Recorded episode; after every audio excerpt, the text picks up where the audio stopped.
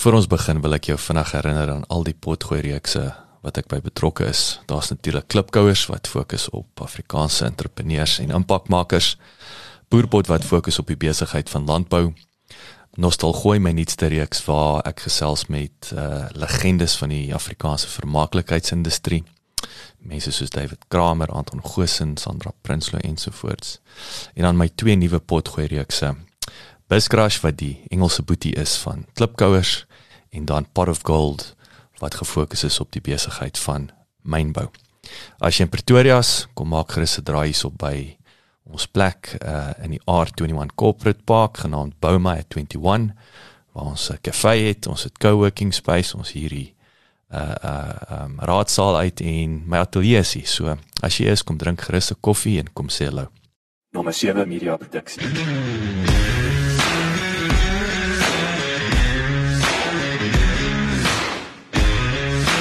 Welkom by die Klipkouer Spotgooi reeks waar ek gereeld gesels met entrepreneurs en impakmakers ten einde die beste praktiese advies met jou te deel.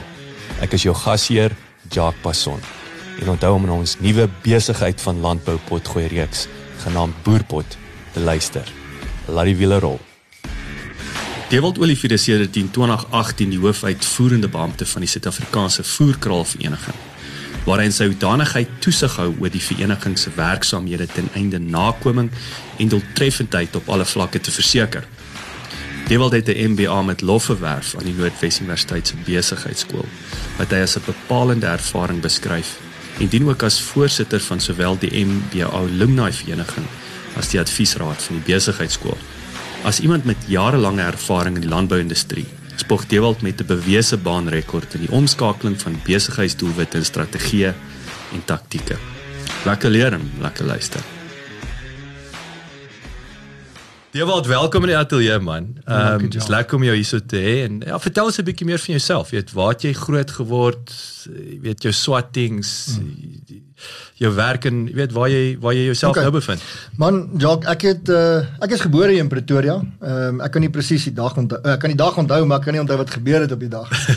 Ehm um, en uh, ons het verhuis baie baie kort nadat ek wel ek dink ons was so 6 of 7 toe verhuis ons na Zenin toe en ehm um, ek het my skoolbaan in Zenin klaar gemaak. Ehm um, in die in die avokado wêreld. Ek sê altyd ons het uh, ons het nie botter gehad om te eet op ons brood nie, ons het avo gesmeer. So dit was nogal dit was nogal lekker geweest. Ag en papajas en litchis en al die goeie. Was alles jy het alles beste. Ek het alles, alles beste. beste. Ja, jy ja, is familie. Ja, ja, ja, ernst, ja, ja, ja. ernst. Ja. Ernst dat jy ons goed.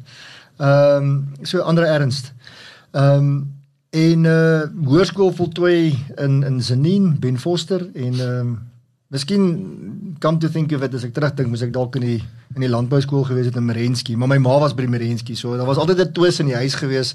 Ek was in Ben Foster en ek en my broer en my suster was in Ben Foster en sy het uh sy was administratief gewees by Merensky. So was dit net die konflik om die om die eetkamertafel of Ja, net so elke keer as daar sport is en dan is dit rugby en netbal en manie maar Merensky is so en sê ons nee nee nee jy verstaan nie. Yes, nee. Jou kinders is in Ben Foster. ja, ja, jy moet kies. Kry prioriteite reg. Kry prioriteite reg. So na skool is ek ehm um, het ek gaan regte studeer by op daai stadium was dit die Potchefstroom Universiteit vir Christelike Hoër Onderwys. CAO. Ja, kyk, ehm um, ja, kom ons los dit daar. CAO, dit was die CAO gewees. Ehm um, en ehm um, later het dit nou die NWU geword, maar ek het begin met ehm um, BJuris. En uh, ag en daai tyd het hulle het Dis nou dis nou regs, né? Nee? Re ja, regte, dis regte. Ja, dit was 19 ek was eerste jaar 1996. Ehm um, in daai tyd, ek dink in my tweede jaar het hulle het hulle dit omskakel na LLB toe. So eers het jy 'n B Juris gedoen en dan as 'n tipe van 'n nagraads of 'n ehm um, uh het jy LLB gedoen. Yes. Dis amper soos 'n dis 'n regsmeesters, nê. Nee. Ja, die nee, dis is honneurs. Honneer. Die LLB was honneurs geweest en dan jy jou LLM gedoen daarna. Ah, okay, okay. So ek het uh, begin met 'n B Juris en die plan was om LLB te doen daarna en soos ek sê, so halfpad toe change hulle dit. Dis hulle nee maar hulle maak nou 1 graad, 'n 4 jaar regsgraad LLB. Ehm um, was 'n bietjie moeilik om ek het eers gesê ek gaan aangaan met die UB Rus en dan sal ek daarna LLB doen. Ehm um, maar uh, ek dink hulle het dit so gemaak dat jy maar moes oorskuif. So yes. die klas het so 'n bietjie gebots en so nag en toe in my derde jaar toe staan ek oor na LLB toe. En uh, toe het ek my LLB graad gekry. En uh ook natuurlik vanuit die staanspoor gesê maar LLB kan nie genoeg wees nie want dis dan nou net 'n graad. Yes. Alhoewel dit nou 'n 'n graad in houneers in een was, ek wou meer doen en ek het toe ingeskryf vir my LLM, my meestersgraad in in en uitvoerreg. En ehm um, Ja. Ek wou net sê, so jy toe nou jou sweet spot, jy like hierdie invoer uitvoer ding. Ja, ja, so, dis ja. Dis- dis dis dis die nou lekker ding van regte, jy het so wyd Dis nee. wyd, dis verskriklik wyd. Ehm um, maar kyk 'n dag op die pik is 'n dag op die plaas het ons altyd gesê. So ek het uh, ek het bietjie lank gevat in my LLM. Ek het uh, alles goed gedoen met my vakke, maar ek het by die einde van die dag nie my skripsie ge- ingehandig nie. En so, dit niks met Joel te doen of sulke goed. Man, ek was op die studenteraad en ek Ah, was weet- voorsitter ah, gewees. ja, So, Black Squirrel, Maar dit was ja. daarmee ja, daar voor die tyd. So en ehm ja, ek dink ek het so 'n bietjie 'n knak gevat toe ek my skripsie nie ingee nie, want dit was die la- dit was die enigste ding wat ek moes gedoen het. En ehm ek het uh, ja, ek dink ek was lui. Ag ek het begin artikel ja. en ehm ek uh, moes trouringe begin koop of verloofring. So daar het 'n klomp goed gebeur, mm -hmm. maar op die einde van die dag dink ek het was ek bietjie slap geweest. En uh, ek het toe op 'n stadium besluit maar hierdie is nou genoeg. Ek moet ergens 'n streep trek. Yes. En uh, my LLM verander toe in 'n hoër diploma. So ek kry toe 'n hoër diploma in invoer en uitvoerreg. Wat nie sleg is nie en ek dink dit was baie goed geweest. Ehm um, maar ek sou graag die LLM wou gehad. Yes. Dit het later eintlik 'n dryf geword by my en dis die rede hoekom ek ek ek sal nou nou verduidelik, maar okay. Ek het uh van daardie af het ek gaan praktiseer. Ek was uh, geartikel my artikels gedoen in Rustenburg by 'n maatskappy met die naam van Velden Duffy, 'n redelike bekende prokureursfirma in Suid-Afrika en veral in Gauteng en omgewing. Wat het hulle in gespesialiseer? Kyk, hulle enigiets en alles, maar uh, wat wat hulle nogal bekend maak is ek dink Ignas Kleinschmidt was uh, op RSG doen hy wat sê die prokureur. O, oh, okay, so, So dit is dit was maar dit was baie lekker, baie lekker tyd gewees by hulle. Ehm um, en uh, aan die einde van my jaar, my my artikeljaar, my 2 jaar, toe skuif ek besluit ek ons skuif Jeffreys Bay toe en uh, ek word 'n professionele uh assistent in Jeffreys Bay. ek ben nou gespot en gesê surfer. Maar, maar dit was amper so iets. Ehm um, uh, gaan surf. Kyk, dit was natuurlik vir my verskriklik erg om van Rustenburg af wat maar dieselfde klimaat amper as hy is in Gauteng is dis gedryf die hele tyd en in Jeffreys Bay en in die Oos-Kaap oor die algemeen. Kyk, ek sê hulle praktiseer 'n heeltemal ander law in die Kaap en Oos-Kaap oor die algemeen. Dit dit, dit lyk net anders te. So in Jeffreys Bay werk dit so. If the surf's up, the surf's up. Jy kry niemand nie of jy nou 'n tandarts of 'n deure is dokter prokureur maak nie saak nie apteker as die surf reg is en die weer is reg is almal op die strand. Ehm um, dit was nogal vir, vir, vir baie frustrerend aan die begin, mm. maar ehm um, mense raak baie van 'n gewoonte aan. Ek kan jou sê dis dis lekker op die strand. Ehm um, my probleem was gewees in daai tyd. Dit was 2006 2007. So die, toe die toe die wêreldinsinking en al die goederes eiendomsmark val en alles. Mm. Toe ek ek het net daarna, ek het 2006 begin 2006 het ek my eie praktyk begin. En ehm Ekskuus ek van jou rede, maar maar JB het natuurlik ook ontplof, nê. Nee. Maar dit was daarna. Is dit daarna eers wat daarna. okay, so hierdie was nou nog Ja, hierdie was hierdie was voor die tyd gewees. Daarna het hy het hy aansienlik ja, uitgebrei. toe hy was nou nog klein dorpie. Ja, hy was klein dorpie. Wel, ek dink daar was 'n klomp ontwikkeling gewees. Uh ek dink veral kyk die Bloemfonteiners is ons natuurlik mal oor Jeffreys Bay. Almal gaan dis klein Bloemfontein. Ehm um, almal is mal oor Jeffreys. So ek dink behuising het het ontplof tot 'n groot mate. Ehm um, die ontwikkeling die besigheidsontwikkeling was nog nie daar gewees Okay. nie. Ek dink daai mall in Jeffreys Bay daarbo het nog nie bestaan nie. Yes. En toe ek dink hy's eers daarna, hy's 'n jare wat daarna eers begin bou. Want ek weet jou grootste uh, weer ekskuus, ek ek hmm. dink net aan my tyd wat ek 'n bietjie besigheid gedoen het in Niemandsdorp. Jy het mos Ja. ja. uh, Woodlands Dairy, nee. Ek wil dit was van jou seker jou grootste besighede nog steeds, nee. Dit maar dit was omtrent dit. Ja. Daar was nie veel meer. Nee nee nee, daar was nie meer veel meer as dit gewees nie. Ehm um, Jeffreys Bay was baie goed vir ons gewees. Baie baie goeie leerskool. Ehm um, maar ek was alleen. Ek dink dit was my groot ding. Ek was in 'n besigheid gewees wat ek was die be all and end all. Ek het 'n sekretaresse gehad. Ehm um, ek het op 'n tydjie baie jammer gekry want ek dink ek het heeltemal oor haar kop gepraat en strooi gepraat. Ehm mm, um, en soos ek sê dit dit was met die insinking. Die Yes. die ekonomiese insinking het plaas plaasgevind en dit was chaos. Ek bedoel almal het almal het stil gestaan. Niemand het besigheid gedoen nie. Ek het 'n eiendomsagentskap gehad en ek was 'n transportbesorger, maar niks het gebeur nie. Ehm um, wat ek wel gesien het is die mense het teruggegaan na die ouer prokureurs toe, die bestaande besighede want hulle kon krediet gee. Ehm um, en waar ek kontant nodig gehad het om my besigheid te doen, kon hulle uitstel daar kry. So dit Ah, was dit was 'n 'n redelike 'n moeilike tyd gewees. Ehm um, ek dink dit was 'n draaipunt vir my gewees want ek het besef dat uh ek wil sê professionele die prokureursberoep is nie noodwendig vir my nie. Ehm um, dis alleen en ek het myself gesê om op een plek die hele tyd te wees vir die res van my lewe gaan gaan my klam maak. Ek Dink jy dink jy as jy nou daai tyd jou 100 000 rand 'n maand verdien het, sou jy anders gevoel het of is dit net dit sou dit net daai uh, uh, revelation wil ek sê uitgestel het? Ek dink dit sou dit uitgestel het. Ehm um, kyk, geld is nie alles nie, maar dit dit, dit maak baie goed baie gemaklik. Mm, mm, mm. Ehm um, ek dink dit sou dit uitgestel het tot op 'n punt wat ek gekom het ehm um, toe in me, op die stadium wat ek daar was, ek kan dit dalk by sê. Ehm um, het van die ander prokureursfirmas my genader en gevra ek moet 'n tipe van 'n 'n liaison posisie aanneem by hulle. Ehm um, kyk ek het 'n groot mond. Ehm um, ek hou van sport en hulle wou gehad dat ek moet vir 'n lewe gaan golf speel. Ek moes 'n PR wees vir sekere van die van die prokureursfirmas. Want jy het nou die tegniese lingo, jy kan die taal 100%. praat, verstaan. En op daai stadium was dit nog nie bergfietsry nie, maar dit was golf. Dis dit was ja, vader, dit was die mid die die, die, die dis was nou die nuwe midlife crisis, Yes, die bergfietsry. So uh, op daai stadium was dit nog golf geweest en ek kan goed onthou dat uh, een van die groot prokureursfirmas uh, in Jeffreys is CV Malan en ehm um, ek wil nou nie die prokureur se naam noem nie, maar hy het professioneel golf gespeel, verstaan? En hy het net besigheid gekry op die golfbaan en hulle het gesê maar yes, ons moet ook iemand daar sê neersit. iemand nodig.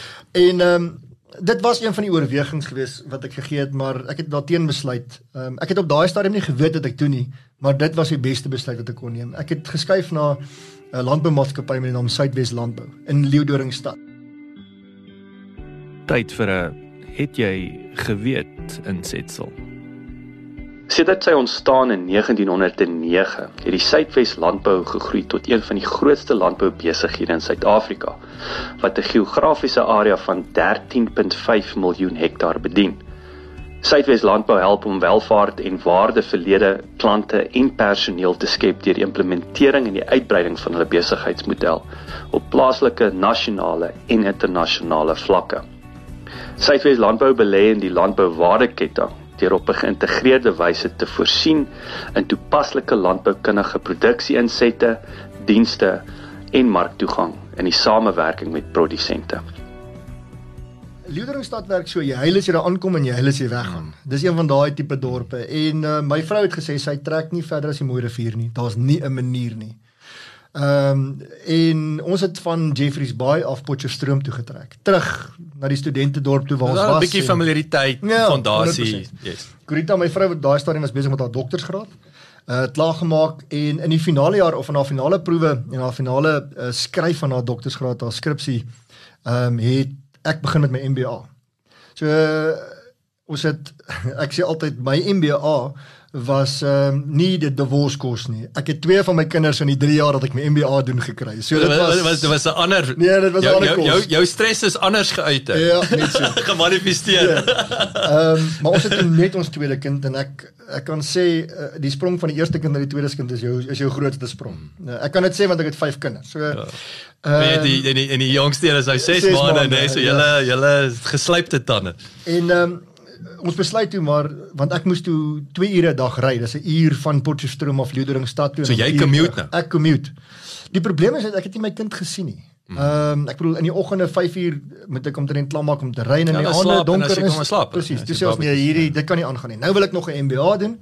Hoekom hoekom het jy op daai stadium gevoel ehm um, MBA, het jy gevoel jy daai daai besigheids Ja. So kyk die LLB is fantasties en ek dink dit het 'n baie goeie grondslag vir my gelê binne in in dit wat ek doen vandag. Die probleem daarmee is ek het nooit ehm um, ek wil sê tegniese of akademiese besigheidskennis opgedoen nie. Ehm um, dit was kyk prokureurs dink hulle weet alles. En ek sê dit outright, maar hulle doen nie. Daar's van besigheid bestaan hulle uiters min. Mm, mm, mm, mm. Ehm um, as ek enigiemand kan raad gee en ek gee dit sommer sonder dat enigiemand vra is as jy 'n BCom regte graad kan gaan studeer, is dit fantasties. Dis waar die twee Dis waar die twee clash, mekaar kom. ja, en ek ja, sê ja. dit is dis baie baie goed. En dis hoekom terwyl ek by Suidwes Landbou was, het ek 'n geleentheid gekry om my MBA te doen en ek het toe ek dit kry, toe het ek dit met al twee hande gegryp. Hm. En soos ek nou nog gesê het, daai hoër diploma wat ek nie klaar gemaak het nie. Ek moes vir myself sê maar ek kan hierdie doen. Ehm um, So jy 'n ek- ek bietjie moet jou jou jou selfvertroue gerattel. Ja, ja, ja, dit het natuurlik. Ehm um, want ek het iets nie klaar gemaak nie. En my pa het my baie vroeg in my lewe gesê, "Man, al sit jy met 'n baard wat tussen jou knie hang, jy sal jou matriek kry." Mm. En jy maak klaar wat jy begin het. So ek het gevoel dat ek gefaal het in myself. En ek moes myself iets bewys. Mm, mm. En op grond van dit het ek gesê, goed, die MBA is wat ek wil doen. Ehm um, MBA begin in 2009. Uh toe is ek so 2 jaar by by Suidwes Landbou. En ek was regsadviseur aangestel by Suidwes, maar dit was 'n groot ek het te doen gehad met al die sfere binne in landbou. Ek bedoel van die hele van graan af tot by mekanisasie tot by handel. Ek het uit die aard van die saak oral gewerk en ek was in al die vergaderings gewees en aksieplanne en dis meer. So daar daar vir my iets oopgegaan om te sê dat daar's meer in beet, daar's meer daar buite as net die law. Mm. Ek het eendag het ek 'n kursus bygewoon hier by Tikkies. Toe gaan dit oor die ehm um, die competition act net toe hy begin het. En dit was vir my verstommend geweest om te sien met hoeveel met, met oogklappe aan die prokureurs want daar's nou klomp prokureurs binne in die in die in die opleiding saam met my. Ehm um, hoe een oogig hulle kyk na besigheid en dis eider wit of swart.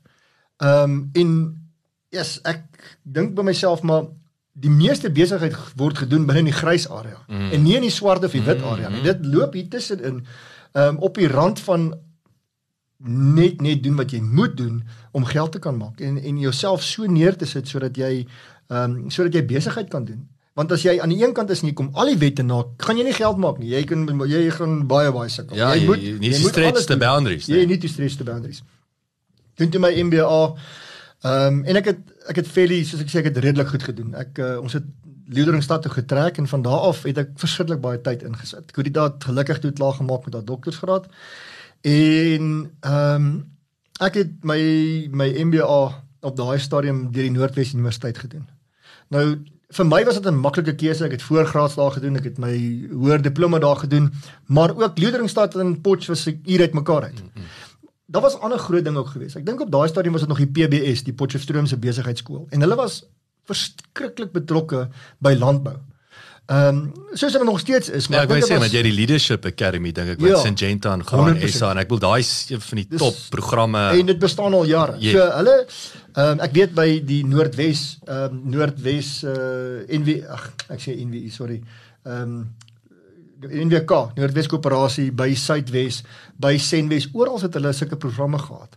So hulle was in die oog gewees en wel, hoekom gaan ek verby ry tikkies toe of dan nou enige Veral met die ouens nou landbou gefokus is Precies, en hier sit jy 'n landboumaatskappy so is dit so nou brein. Nou breiner gewees. Ons was so 3 of 4 ouens wat van Suidwes af dit saam gedoen het.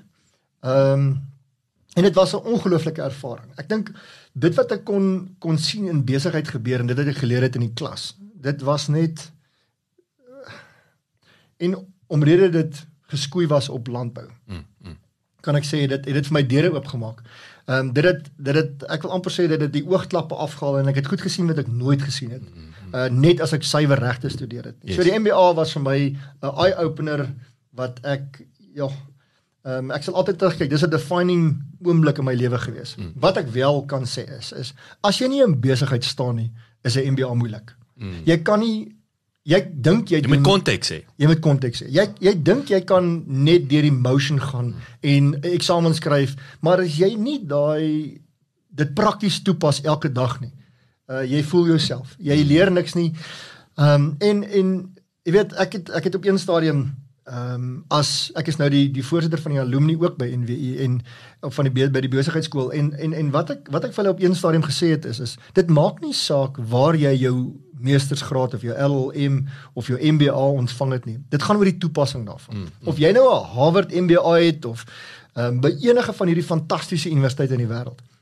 Jy moet dit gebruik en jy moet dit kan toepas. Mm. Ehm mm. um, en en en dis so moeilik om dit toe te pas as dit net akademies is. En jy kan soos ek sê die beste MBA in die wêreld hê, maar as jy nie dit vat en jy maak dit jou eie nie. Daar's 'n ou wat en ek kan sy naam noem. Ehm um, Albi Mouton het saam met my MBA gedoen en Albi sy bynaam is Varkie. Hy is nog steeds in Botawil. So ou nou albei het altyd en ek ek ek sal hom hiervoor hy het altyd 'n joke van 'n ding gemaak. Um en 'n grap. Uh maar op so het ons geleer.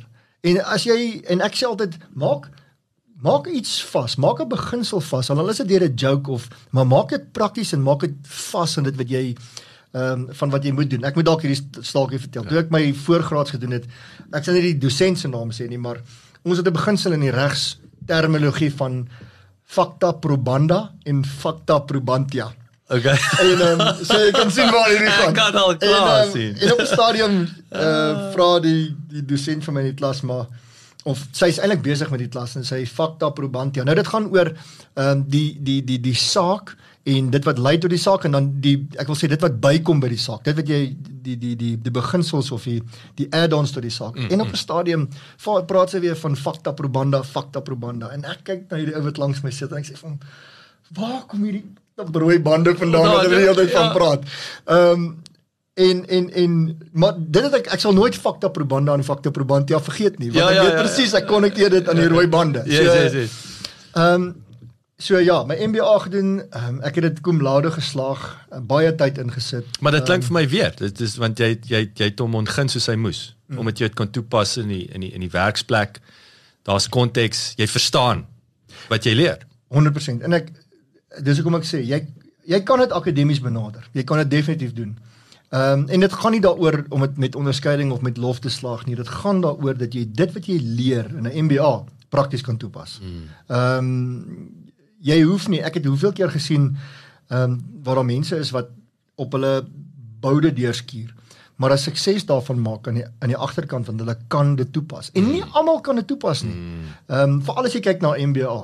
Ehm um, daai besigheidsbeginsels moet jy kan vasmaak en jy moet dit kan implementeer. Ja. En dis maklik om te sê jy dink aan iets soos makro en mikro-ekonomie en dit is daar buitekant is 'n boekie wat uh, wat hulle uitgee, maar op die einde van die dag moet jy dit deel maak van dit wat jy doen. En as jy dit nie doen nie, uh, gaan jy nêrens kom nie. En jy kan die beste MBA hê soos ek sê, as jy dit nie kan toepas nie, maak dit nie saak nie. Uh, Ek wil jou ek ek vir Hmm. vinnige ding. Jy, jy sal nou onthou in ons tyd ek het nou ons op koffsies geswat toe uh toe ek met besigheidsgraad begin toe sit okay ek moet nou finansies tegniek my pa teken in vir my. Ek dink ek na 3 jaar toe hulle se ophoop. Sê my pa hy dink nie hy gaan verder geld mors. Maar dit was nou die naaste aan die ja. praktyk nê nee, is Ja. om nou kom ons lees nou maar nou kom ek agter ek lees so ek verstaan nie wat die hel in die ding staan nou wil ek kom nie lees nie nou nou omdat dit teoreties was ek het nie konteks gehad nie maar anyway Ja.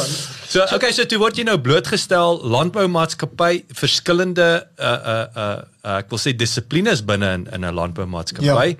En jy het nou die MBA, jy het lekker besigheidsagtergrond. Okay, so Ja. wat wat spring Wat- toe daar uit? Ehm um, op daai stadium ehm um, kry ek toe geleentheid om die groep risikobestuurder te weer te word van Suidwes.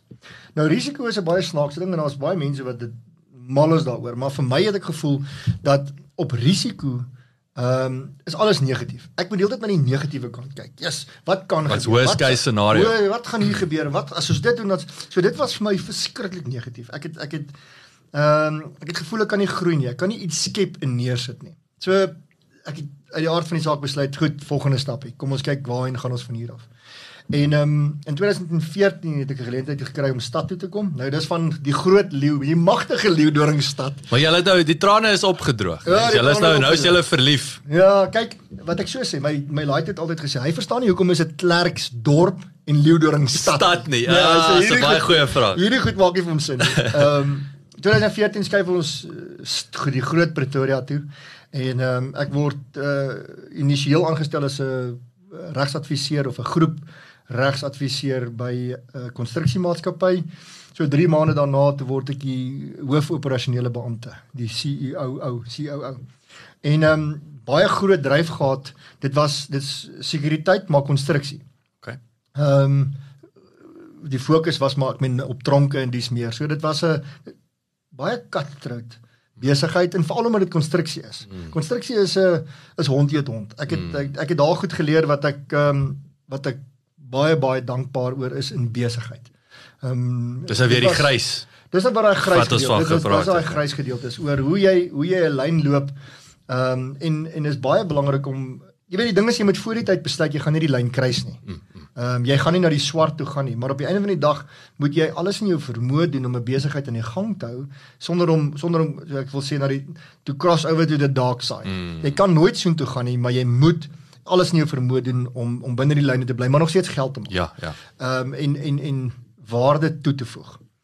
Ehm um, dit het so ek het in 2017 het ek by hulle bedank en ek het as konsultant begin werk binne in terug in landbou in in uh, in die katoenbedryf. Ehm um, en daar het ek gaan kyk na na speurbaarheid spesifiek en die implementering van na speurbaarheid en en hoe die voordeel wat dit kan gee. Ehm um, so 'n jaar het verbygegaan en toe kry ek 'n geleentheid om 'n posisie te aanvaar binne die rooi vleisbedryf. Nou, dit was nie maklik nie.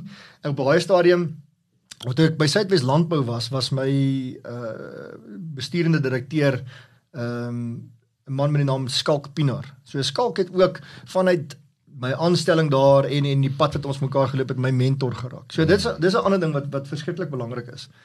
Is om mentors in jou lewe te hê.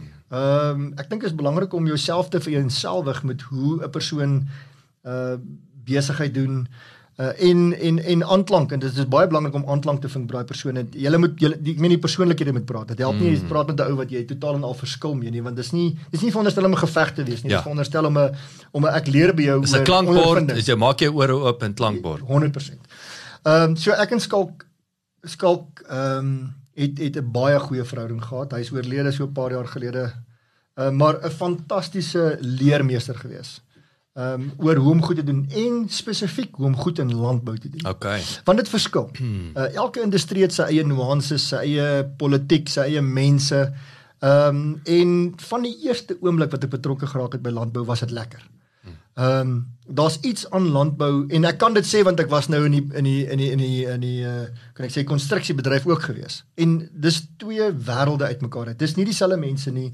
Uh dis nie dieselfde persoonlikhede nie. Daar is nie Daar daar is nie, dis onvergelykbaar. Is, landbou is, is net landbou. Kan kan ek ehm um, dit my my blootstel okay en ek trotse Vrystaat, jy weet, so my so van my pelle is is is boere, maar dit daai is vir my ek ek ek noem dit handshake mense. Is ja. what you see is what you get. Dit dis daai ou skool se waardes en jy kan daarmee werk. Daar's nie ja. snaakse Ja, daar's nog Kyk, mense is mense. Ek gaan nooit sê alle boere is nice ouens nie. Ons ja, gaan nou nie dit doen nie, well, maar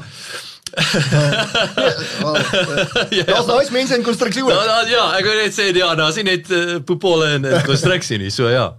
Ja, en en ja, jy's 100% reg. So wat landbou grab mense. Dit dit dit vou jou toe. Ek dink is soos 'n uh soos een van daai ehm um, uh, daai vleevangers. Uh bedoel as hy maak jou heeltemal toe en hy hou jou vas. So landbou, jy kom nie uit landbou uit nie. Ek dink as jy eenmal in landbou was, uh, is dit verskriklik moeilik as jy daar moet uitkom.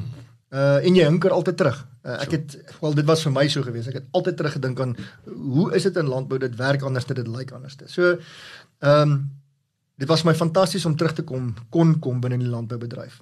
Ehm um, skalk het my eendag gebel en gesê luister hier is 'n potensiaal.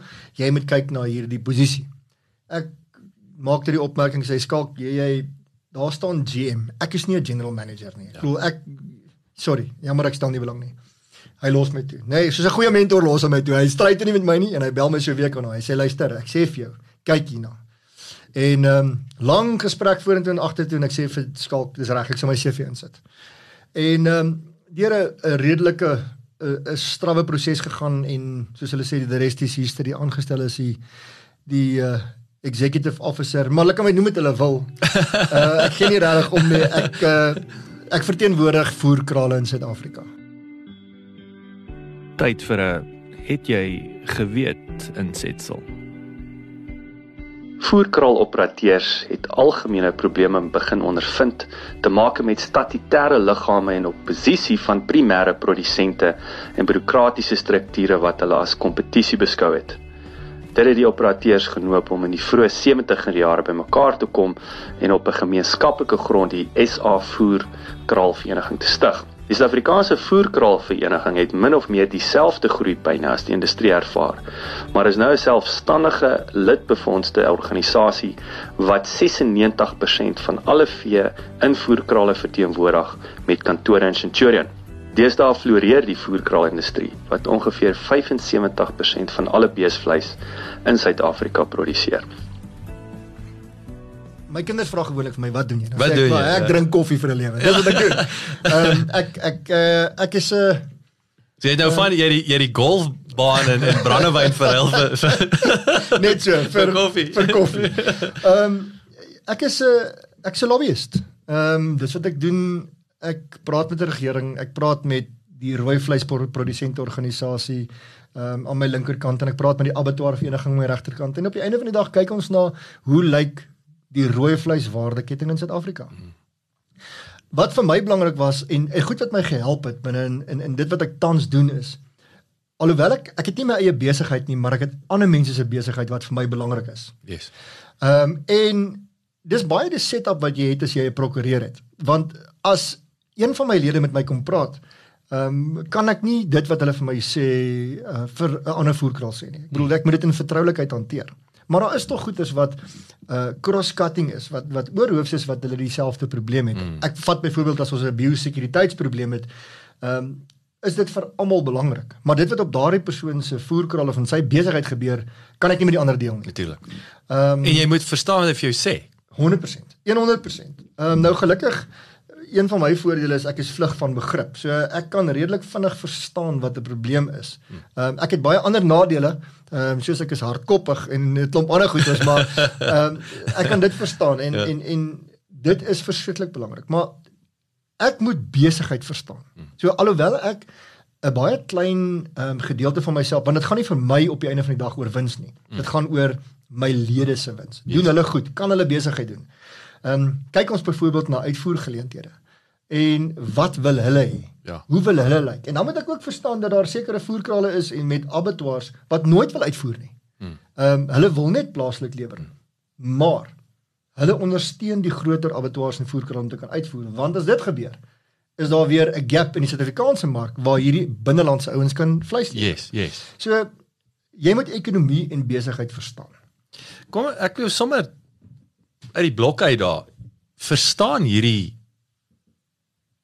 voerkraal of kos sê nou jou Constituents, my lede. jou lede verstaan hulle waar hulle in die waardeketting inpas. Is dit 'n uitdaging om daai ripple effek? Ek sê altyd dit is ek dink Ja. ek wil nou nie polities raak nie, maar ek dink is meer ouens die ripple effek kan hmm. verstaan. Het sy besigheid of net in 'n goeie ou loot. Jy weet, Ja. dan dan uh, dan gaan die wêreld dalk 'n beter plek wees. Ek glo hulle verstaan presies waar hulle inpas in die waarheidketting. Kyk, dit is soos Maar is dit deel van julle ware wat hulle toevoeg? Byvoorbeeld, is dit 'n ding wat die ou hy Ja. weet, sy uit, uit sy eie danigheid het dit uitgefigure. ek dink die meeste van hierdie ouens het dit uit hulle eie hoedanigheid. Ehm um, hulle verstaan dit. Ek dink presies dit. Kom ek kom ek vat 'n voorbeeld. Jy het nou spesifiek verwys na die looting. OK. Ons sit in in in KwaZulu-Natal met twee voerkrale en ek gaan geen naam nou name is nou Pactrol. Die grootste twee voerkrale in in in in KwaZulu- KwaZulu-Natal op hierdie stadium het 'n probleem met back and closure. Nou die effek van back and closure binne 'n voerkraal is is daai voerkraal word en dan natuurlik as jy 'n plaas ook het, maar ek kan praat nou vanuit 'n voerkraal perspektief. Yes, yes. Word onmiddellik onder kwarantyne gesit. Besigheid stop. 100%. Jy kry nie nuwe beeste in nie, geen beeste gaan uit nie. Die effek hiervan is vir een van hulle ek is dis 'n ehm um, 'n voerkoste van 600 000 rand 'n dag. Sonder dat jy enige kontant inkry. Ja. Dis die probleem want Ja. onthou dis 'n masjien wat loop. Vir elke bees wat jy hierdie week insit, moet jy een uitvat Ja. om die cashflow te laat loop. Ja, ja. Nou staan jy vir 'n maand Yes. met 'n voerkoste van 600 000 rand 'n dag. Jy moet 15000 beeste voer. Waar kry jy inkomste? So die effek daarvan, hierdie ouens verstaan dit presies. Maar dit gaan verder as dit. Mm. Nou sit ons in KwaZulu-Natal met die feit dat ek meen ek weet van een persoon ehm um, wat ses slaghuise gehad het en al ses is geplunder. So die toegang vir die verbruiker tot vleis is onmiddellik afgesny. Ja. En dis nie net rooi vleis nie. Dis hoender, Ja. dit is nou ek mag nie sê vark nie want vark is rooi vleis eintlik. Dis gebleikte bees. Kyk hier. Die ZCC ouens mag mos nie vark eet nie, maar hulle noem dit gebleikte bees. te wees. So dis fyn. Ehm hoender, vark, be- dis alle proteïen. Ek meen word onmiddellik afgesny deur 'n slaghuis wat jy en enige kettingwinkel for that matter. Ehm maar nou nou is daar 'n tweede gedeelte. Nou probeer ons KwaZulu-Natal weer op die been kry en kos voorsien, voedselsekerheid. Maar jy het 'n voerkraal wat stil staan. So ek dink die rooi vleis waardeketting verstaan hulle plek.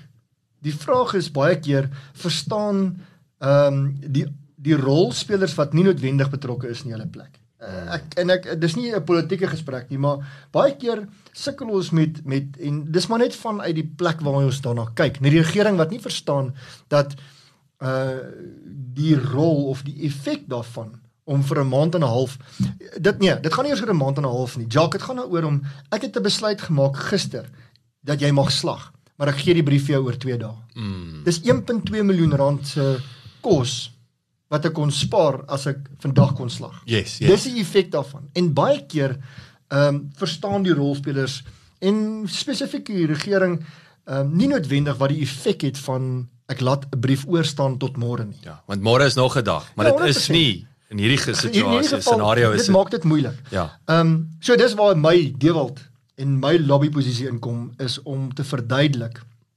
Ek het 'n opvoedingstaak ook om te sê maar luister, dis die effek hiervan. En Ja.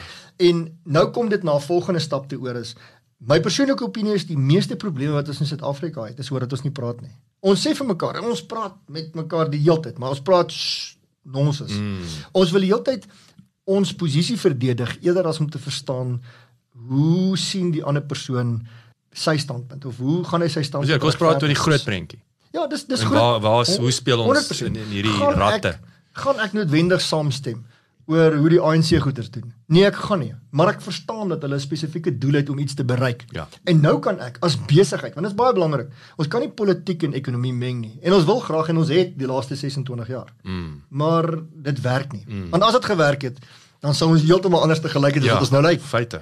So vanuit 'n besigheidsoogpunt dink ek is ons en my lede heeltemal anti politiek. Mm. Totaal en al. Dit nie 'n saak met wat die politiek sê nie. Ek wil so ver gaan om te sê ek het nie 'n saak met wie aan bewind is in die regering nie. Maak nie saak nie. Ja. Solank ek kan besigheid doen. Yes. Dis ja, ek wil amper sê be all in the end. Dit die, die die die ek sê altyd vir ouens Suid-Afrika, selfs nou waar ons onsself bevind. Ek sê altyd net, jy weet, as die politici net uit die pad uit bly. Ons sal ons besighede, ons het genoeg talent, Ja. innovasie uh uh wil Ja. om dit ding on, ons sal dinge maak werk, maar Ja. gee pad. Ja. Kom net die pad uit. Staan op sy. Ons en weet jy wat nee? Ons sê julle nog goed lyk ook. Ja, Ons sê ah, julle ja, nog goed lyk. julle het goed lyk. Yes. Ek het nie 'n saak nie, maar gee my die geleentheid om te kan besigheid doen hmm. in hierdie pragtige land van ons. Want ons het 'n amazing land. yes. Ehm um, ons ek, ons kan 'n bietjie deviate en afdwaal van wat ons praat ook wat daar's soveel mense wat vriende van ons wat op hierdie stadium na hierdie ehm um, looting ja. wat die land verlaat het. Ja. Wat gesê het net genoeg is genoeg. Mm. Ek kry ek wil sê in een uit elke 5 gesprek is die opmerking maar wanneer is genoeg genoeg? Ehm um, wanneer wanneer gaan ons aan? En jy weet ek kan nie 'n antwoord gee nie want ehm um, elke ou se situasie lyk anders. Te. En vir my gaan dit daaroor toe ek aangestel is in die posisie wat ek nou het, het ek twee goeders gesê. Ek wil elke dag relevant wees en ek wil waarde toevoeg. So ehm um, daar was 'n fliek gewees wat ek altyd na verwys is uh The Patriot. Mm. Um, Mel Gibson. Mel Gibson waar die die uh die offisiere van die Engelse se verbykom en dan sit hy die gewere so teen die bome neer en hy sê vir sy laities die volgende hy sê ehm um, eerstens uit die aard van die saak haal die offisiere eers uit en dan sê hy aim small miss small. Mm. En vir baie lank shotgun ons. Ons mog getroffe, ons skiet in 'n groep en ons sê maar ons gaan ergens iets iets raak skiet. En ek sê doen dit wat jy kan doen waar jy is met wat jy het. Ehm um, ek gaan nie uh, ek het nie nodig om die totale bedryf op sy kop te draai nie. Wat ek wel kan doen is om te sê hoe lyk ons nou? En ons het 'n klomp goed wat vir ons belangrik is binne die voerkraalbedryf onder andere is biosekuriteit. Maar dit dryf uh word gedryf deur iets soos naspeurbaarheid. Uh as daar nie naspeurbaarheid is nie, gaan jy sukkel om biosekuriteit te uh te, jou biosekuriteit te beskerm. So daar's sekere goed wat ons in plek moet sit en aim small miss small. En dis nie baby steps nie. Dis nie wat ek sê nie. Ek dit kan groot goeders wees. Maar fokus op 'n spesifieke ding. Ehm um, en dan natuurlik uh, ons praat in die in die landboubedryf baie ehm um, ek wil sê met 'n glimlag daaroor, maar boerepolitiek. Mm. Ek dink dis dis iets wat ehm um, binne in hierdie hele rooi vleiswaardeketting. Want nou sit jy nog met met met politieke situasies van jy het 'n primêre produsent, ehm um, jy het 'n jy het 'n voerkraal. Nou tussen daai twee net en dis nie uniek van ons waardeketting nie. Dit werk in enige waardeketting so. Die koper en die verkoper, jy wil as jy verkoop, wil jy die beste prys hê vir die swakste produk. Ek sê nie die produk is swak nie, maar jy wil die beste prys hê vir 'n produk of hy nou goed of swak is, maak nie Ja, saak. absoluut. Waar as ek 'n koper is, gaan ek natuurlik sê ek wil minder betaal, maak nie saak of hy goed of swak is nie. Ek wil die prys afdwing. En daai uh konflik, dis 'n ekonomiese konflik. Ehm um, bestaan en sal vir altyd bestaan. Ja. Maar dit is 'n ongelooflike nou gaan ek weer terug na die boerepolitiek toe. Dis 'n ongelooflike politieke situasie, boerepolitieke situasie binne in ons waardeketting. Want daar's altyd 'n ehm um, aan die een kant die voerkraal en aan die ander kant die primêre produsent van julle probeer ons indoen. Nee, julle probeer ons indoen. En op die einde van die dag met met met met die feit dat toe ek begin het ek gesê ons is in 'n simbiotiese verhouding. Ons kan nie sonder mekaar bestaan nie. So daar's sekere goed waaroor ons altyd gaan verskil. Ehm um, my ewig nie by die RPO sê altyd ons stem oor alles saam behalwe die prys van kalvers. so maar dis fyn. En ons gaan vir altyd verskil daaroor. Want ek sê bietjie laer, hy sê bietjie hoër. Maar weet jy wat nee? Om die waarheid te sê, ek koop nie een kalver aan nie. Ek wat deewald is. So dit maak nie vir my saak. Mm. Waaroor gaan dit? Dit gaan oor waarde toevoeging, relevantie en vat ons die rooi vleisbedryf na 'n nuwe hoogte toe. Daar word baie gesê rondom die rooi vleisbedryf in Suid-Afrika en die opmerking is we're the sleeping giant. En ek dink daar steek waarheid daarin en ons gaan iets daarmee kan doen as ons hand aan eie boesem steek. Mm. Okay. Ons het baie groot opportunities en geleenthede binne Suid-Afrika om ons rooi vleis um op 'n wêreldstandaard neer te sit. En ek begin 'n bietjie meer filosofeer oor wat ek doen op elke dag.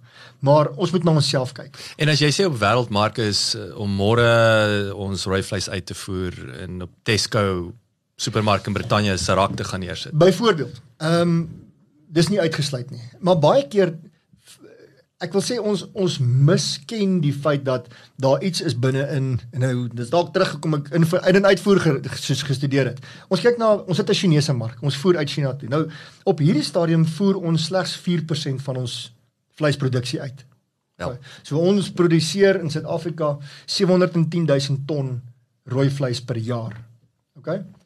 Ehm um, ons lê so 12 13de op die wêreld ranglys van van vleisproduserende lande.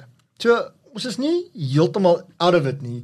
Ons moet net weet dat die groter ouens, ek meen die Amerikas, hulle produseer 12 miljoen ton. Jos. So dit is. Dis dis verskriklik. Ons ons die grootte van ons land, ons samestelling, ons droogte, ons gaan nooit daarby uitkom nie. Mm, mm. Maar ons hoef nie Yes. Want ons moet teen onsself kompeteer. Op hierdie stadium kyk ons baie na die Brasiliërs en die Argentynë en so en sê ons wil so lyk. En ek sê, hoe lyk ons mm. en hoe gaan ons beter raak? Eerder as om te sê, ehm um, hoe vergelyk ons met 'n Brasilië? Uit die aard ja. van die saak gaan dit op die einde van die dag kom. Ja. Ehm um, en ons moet kyk wat hulle doen om onsself slim te maak. Ja, ek wil Ons net moet sê kry kry best practice. Gaan, ja. gaan leer, gaan leer. Weet jy wat doen by die Australiërs? Die Australiërs kom kuier vir ons. Ja, yes, dan land hulle hier en ons almal dra hulle op die hande. Die Amerikaners ook. En ons het sulke goeie praktyke en en en en prosesse en oplossings vir probleme wat ons toepas. Dan kom en ek sê dit tong in die kies. Dan kom steel hulle ons idees. hulle vat dit terug soontoe. Hulle regering betaal daarvoor. Hulle kommersialiseer dit. En weet jy wat maak hulle dan? Dan kom verkoop hulle daai oplossings terug aan ons. Haai. Ons het die oplossing in Suid-Afrika. Ons moet dit net ek wil sê formaliseer en in onsself glo. So ek het vir jou ek het vir jou 'n paar side note questions hier. So so die ek dink die eerste ding wat ek vir jou wil vra uh, om aan te sluit by hierdie colors prys dilemma. Hmm. Maak jy ons enigstens boeke oop? Ek dink nou aan Toyota, nê. Nee. Toyota, ek dink hulle noem dit Kairetsu. As jy as jy vir Toyota in en ek dink nou jy's aan dokter Johan van Sail, nê, nee, wat Mm, onlangs ja, oorlede is. van van van jy's ook betrokke was by die besigheidskool. Baas van Toyota. So as jy nou as jy Toyota wil verskaf, dan moet jy as 'n supplier, jy maak nou die uh liggies van die indicator of die wiper blades, mm. dan maak jy jou boeke oop. Mm. Dis die deal. Dan kom sit een van hulle ingenieurs by jou fabriek, dan kyk hy alles en hy my help jou, hier's die deal. Hy gaan sorg dat jy 'n uh, fair margin maak. Fair. Nommer 1 en nommer 2 is hy gaan kyk na jou produksieproses en hy gaan jou help om hom te streamline. Ja. So daai is my verfrissend. Ek bedoel ek dink nie baie maatskappye kry dit reg met hulle verskaffers nie en ek bedoel ek dink dis dalk ook soos jy sê dalk moet ouens dit tisie neem. Weet wat Ja. is die die krag van boeke oopmaak. Maar is dit Ja. is dit die deel van die probleem? Is dit 'n potensiële oplossing waar die ouens net sê maar kyk die margins, kyk hier, kyk my prys, kyk my dit. Ek kan nie daaraan toe gaan nie of ek kan Ja. Kyk, ek hoor jou en ek dink ek dink daar kan baie meer optimalisering wees binne in die waardeketting. Ek dink jy's 100% daar. Wat wat moeilik is by ons en ek is ook op rekord baie keer dan uh, ek so steek na die na die graanprodusente toe. Ons moet onthou dat daar altyd 'n kontantprys is op 'n kalf. OK, en as ek dit sê wil ek dit kom ons ek wil dit net substansieer. Ehm um, dit mag dalk wees dat 'n produsent of hy nou 'n graanprodusent is of 'n lewendige produsent nie noodwendig die prys kry wat hy wil vir 'n kalver nie. Hy kan dalk 'n laer prys kry. Maar daar's 'n tekort aan kalvers in Suid-Afrika. Ons het te min diere, so hy gaan altyd sy diere verkoop kry. Mm. OK.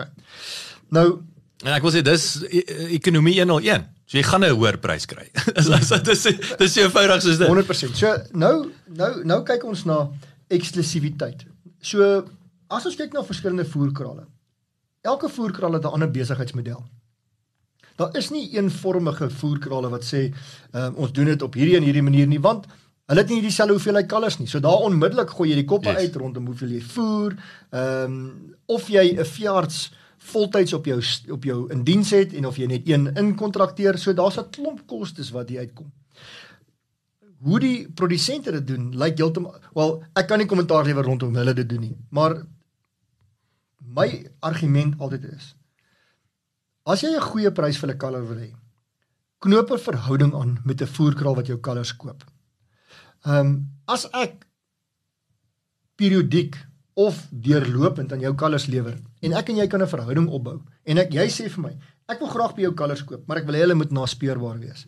Ek wil hê hulle moet ingeënt wees met hierdie ehm um, vaksin teen bekke ag teen uh, bruselose en en en en en ek wil hê die kalver moet vir 2 maande, 3 maande by die ma loop of hierdie dis biesmelk en en al die goeders. En jy kan vir my bewys lewer dat jy dit gedoen het dan kan ek en jy mos 'n verhouding aangaan en ek sê daai kalf beteken en is my meer werd as 'n kalf wat ek ja. as wat ek glad nie weet waar hy vandaan Ja. kom, wie sy ma was, wie sy pa was, of wat hy geënt is nie. Want as daai voer as daai kaler inkom by die voerkraal en ek weet nie, moet ek hom vir bruselose ent. Maar as ek weet en jy kan vir my bevestig deur wat jy op papier het dat hy wel teen bruselose geënt is, dan hoef ek dit nie weer te doen nie. Mm, dis waarde toevoeging. Dis 3 ag, daar's hy. Dis R3 of R4 of R5 per kalf. Nou koop ek 1000 kalvers aan. Dis R5000 wat ek nie nou hoef uithaal nie. Wie kry die voordeel? Die produsent gaan die voordeel kry. Nou dit op hierdie stadium is dit soos enige besigheid. Wat is eers die hoender of die eier? Ehm um, moet ek dit begin doen of gaan jy my eers betaal Ja, dit lyk ek dit begin Jerry doen? Maguire, help me to Ja, help you. uh ja. En en en ek is van mening dat dit gaan oor die liefde vir hierdie bedryf. Dis waaroor dit gaan gaan op die einde van die dag.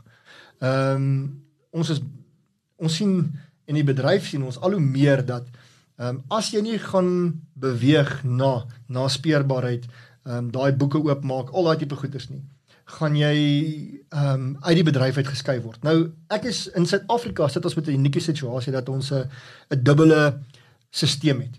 Ons noem dit die swart mark. Ehm um, gaan altyd daar wees waar jy aan geen reëls hoef te voldoen nie.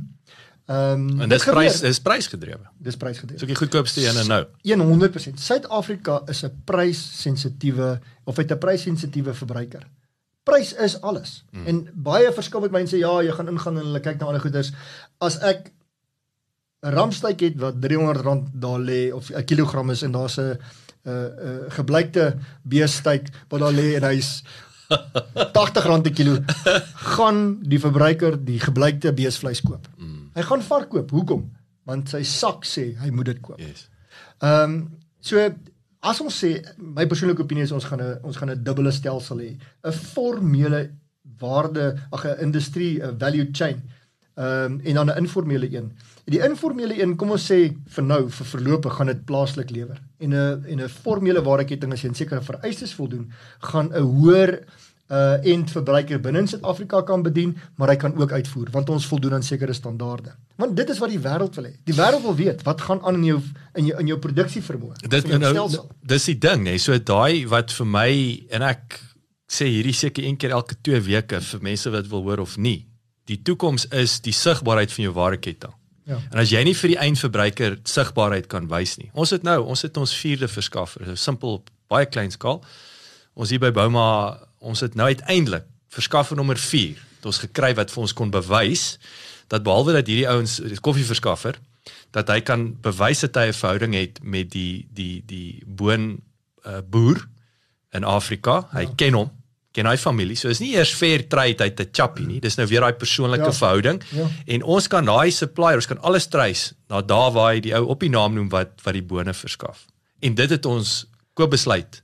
Bepaal. Hm, Jy weet? 100%. En nou is ons happy, ons is gelukkig om meer geassosieer te word. Dit lig ons die waarde wat ons toevoeg vir ons kliënte om te sê kyk ons koffie is nie sommer maar net nie. Ja. Jy weet so dis nou soos ek sê 'n simpel voorbeeld, maar ek wil jou ek wil weet hoe lyk jou waardeketting. 100%. En en en ek het nou nou begin om te praat deur deur deur graanprodusente. Ek het niks teen 'n graanprodusent nie, dit is fantasties. Hulle gee vir ons baie goeie chop wat ons vir die diere kan gee. maar op die einde van die dag as jy nie uitsluitlik 'n uh, lewende hawe produsent is nie. Gebruik baie mense en dit is algemene kennis. Gebruik jy die die diere wat jy het um vir kontant. Verstaan as jou bank wat daar loop. Ja. Okay. En ek sê daai gedeelte gaan natuurlik 'n ehm um, die in deelvorm van die informele tensy hy formeel deel raak, naspeurbaar is en dis meer. Ehm um, maar ons op die punt, ek wil sê ons is iets dit dis imminent. Dit gaan nou gebeur. Dit is daarom te gebeur dat ons gaan skuif van hierdie een stelsel na 'n dubbele stelsel toe en daar moet ons moet 'n manier hê. En ons doen dit klaar vir China. Op hierdie stadium ek kan die volgende vir jou sê. Uitvoer na China toe. Die uitvoer voerkrale het 'n dubbele stelsel want ons mag nie groei growth enhancers of groei stimulante voer vir die diere wat China toe gaan nie. So ons sit met 'n voerkraal wat aan die een kant produseer vir die plaaslike mark. En daar daar daai ouetjie gloei in die donker. Hy kan groei. Ja, ek sê hy gloei in die donker. Nee man, dis nie waarheid man, hy's so Nee, nee, ingespuit. nee, Nee, nee, ek ek weet- altyd. Ja, yes. sir. Hy's daarom nie so ingespuit nie. Nee, nog nie so gespyt. En dan kry jy die ander kant wat China wil wat glad nie, niks. Nou, hoe kan jy dit in een voerkraal doen? En China aanvaar dit. Dan moet ons dit mos kan bewys vir die res van die wêreld. Yes. Die Europese Unie verwag ook sekere goederes. Hulle verwag twee inteendeel. Die VPN1, dis 'n veterinary private uh, uh note. Uh, veterinary practice note wat Ja. ja. wat sê presies hoe kan jy uitvoer. Aan die EU moet jy twee goed bewys. Eerstens dat jy naspeurbaar is mm -hmm. en die. Sê net vir die vir die is ouens daar buite, wat is die layman's terms van naspeurbaarheid? Okay, naspeurbaarheid gaan daaroor dat jy en en en eenvoudig is dit dit dat 'n dier gemerk word van 6 maande af. Nou ek wil nie in die wette ingaan nie want dan gaan oor 'n tatoeëermerk en oor brandmerk en alles.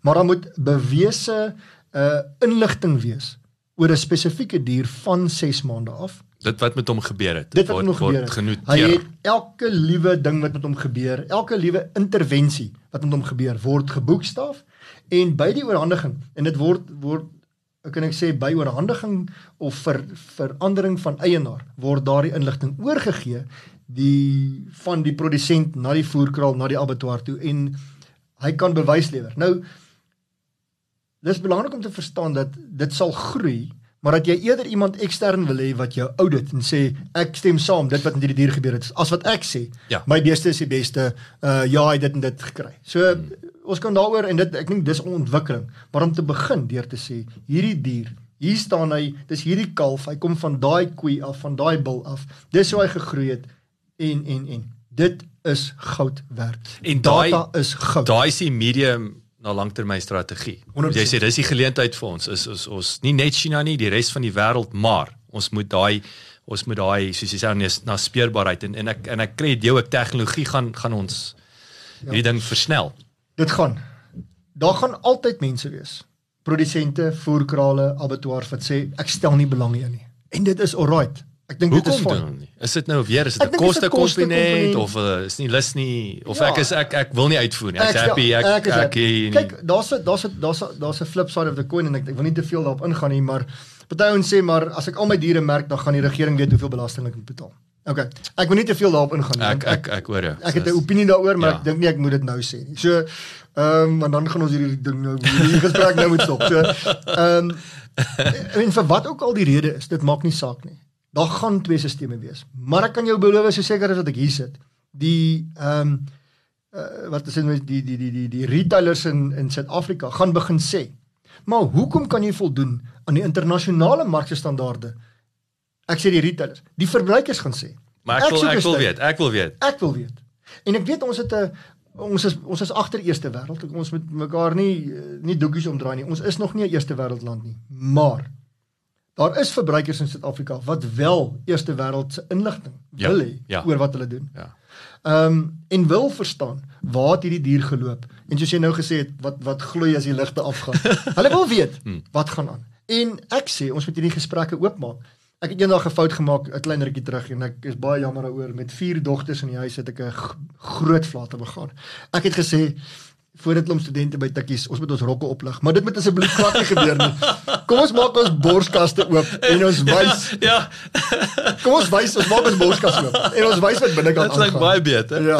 En ons wys ons wys vir hulle wat wat wat aan die binnekant aangaan om te sê dat as jy praat van van groeistimulante, ehm um, dat dit is wat dit beteken. Mm. Dit beteken dat vir 'n sekere tydperk groei 'n dier op 'n sekere wyse.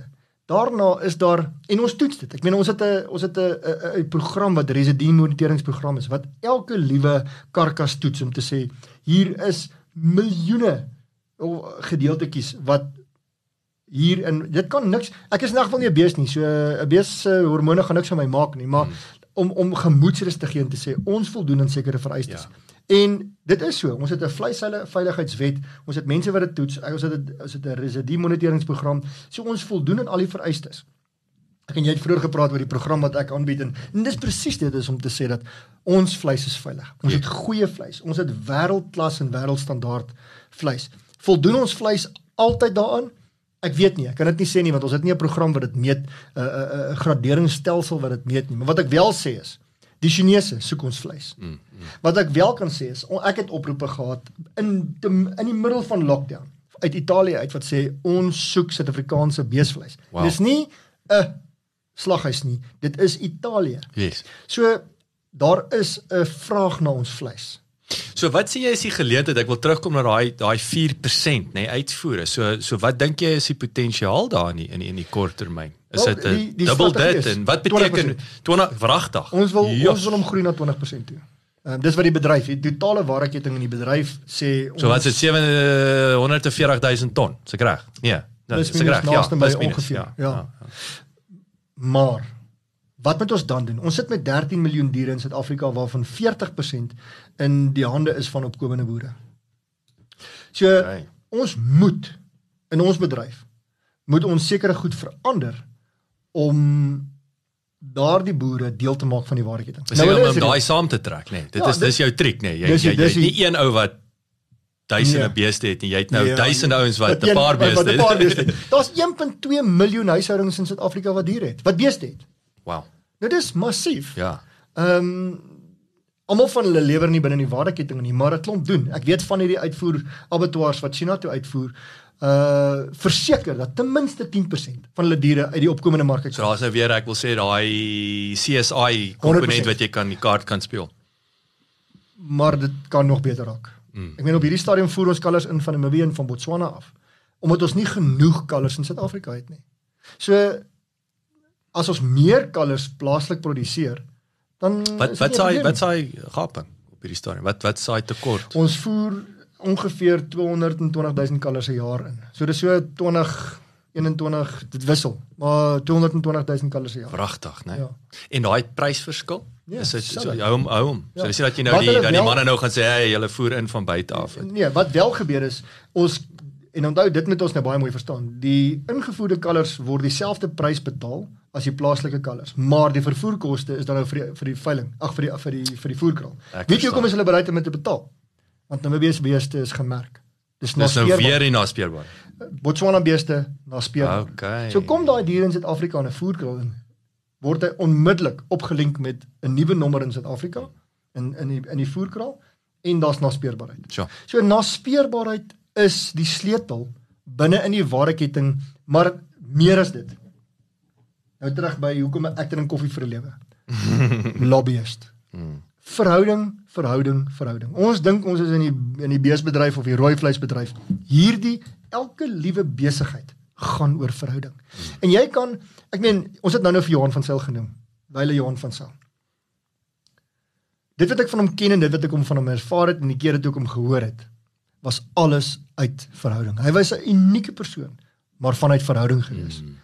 Nou ek wil nou stap hier en ek wil dalk 'n bietjie verder gaan. As jy kyk na die Bybel en dit, dit is baie keer so en net so kan ons dalk praat oor die Koran of al die goeders, maar as jy kyk na die Bybel, gaan oor verhouding. Dit wat ons daar leer is, Jesus het vir Saggeus uit die boom uitgehaal en hy het vir hom gesê ek wil by jou eet. En nadat hy met hom geëet het, het hy vir hom gevra wat gaan jy doen? Mm. Vanuit verhouding. Verhouding. Ek kan nie daar uit die boom uitskiet en vir hom sê, "Hey jou op, wat sit jy daar bo? Jy mm. lyk simpel, jy kom af hier." Ja. Ek dink jy vertel hoe word dit goed gedoen nie. Dis nie hoe dit werk nie. Verhouding, verhouding, verhouding. Alles wat ons doen in besigheid is geskoei op verhouding. Mm. Ehm um, en as ons dink dit gaan oor die rand en sent, is verskriklik belangrik. Maar as jy eerstens jy moet verhouding met jou kliënte hê. Jy moet verhouding hê uh met jou werknemers. Jy moet verhoudings so verhoudings is nou daai soft issues as deel van MBA is verskriklik belangrik. Mm. Maar hulle word soft issues genoem. En jy sal as jy dit klink is critical- die besigheidsskool- critical issues. As jy by die besigheidskool praat byvoorbeeld met prof Leon Jackson. Ja, yeah, kyk jy ons hulle sê daai is dit is die core goeters daai. Maar dit is so.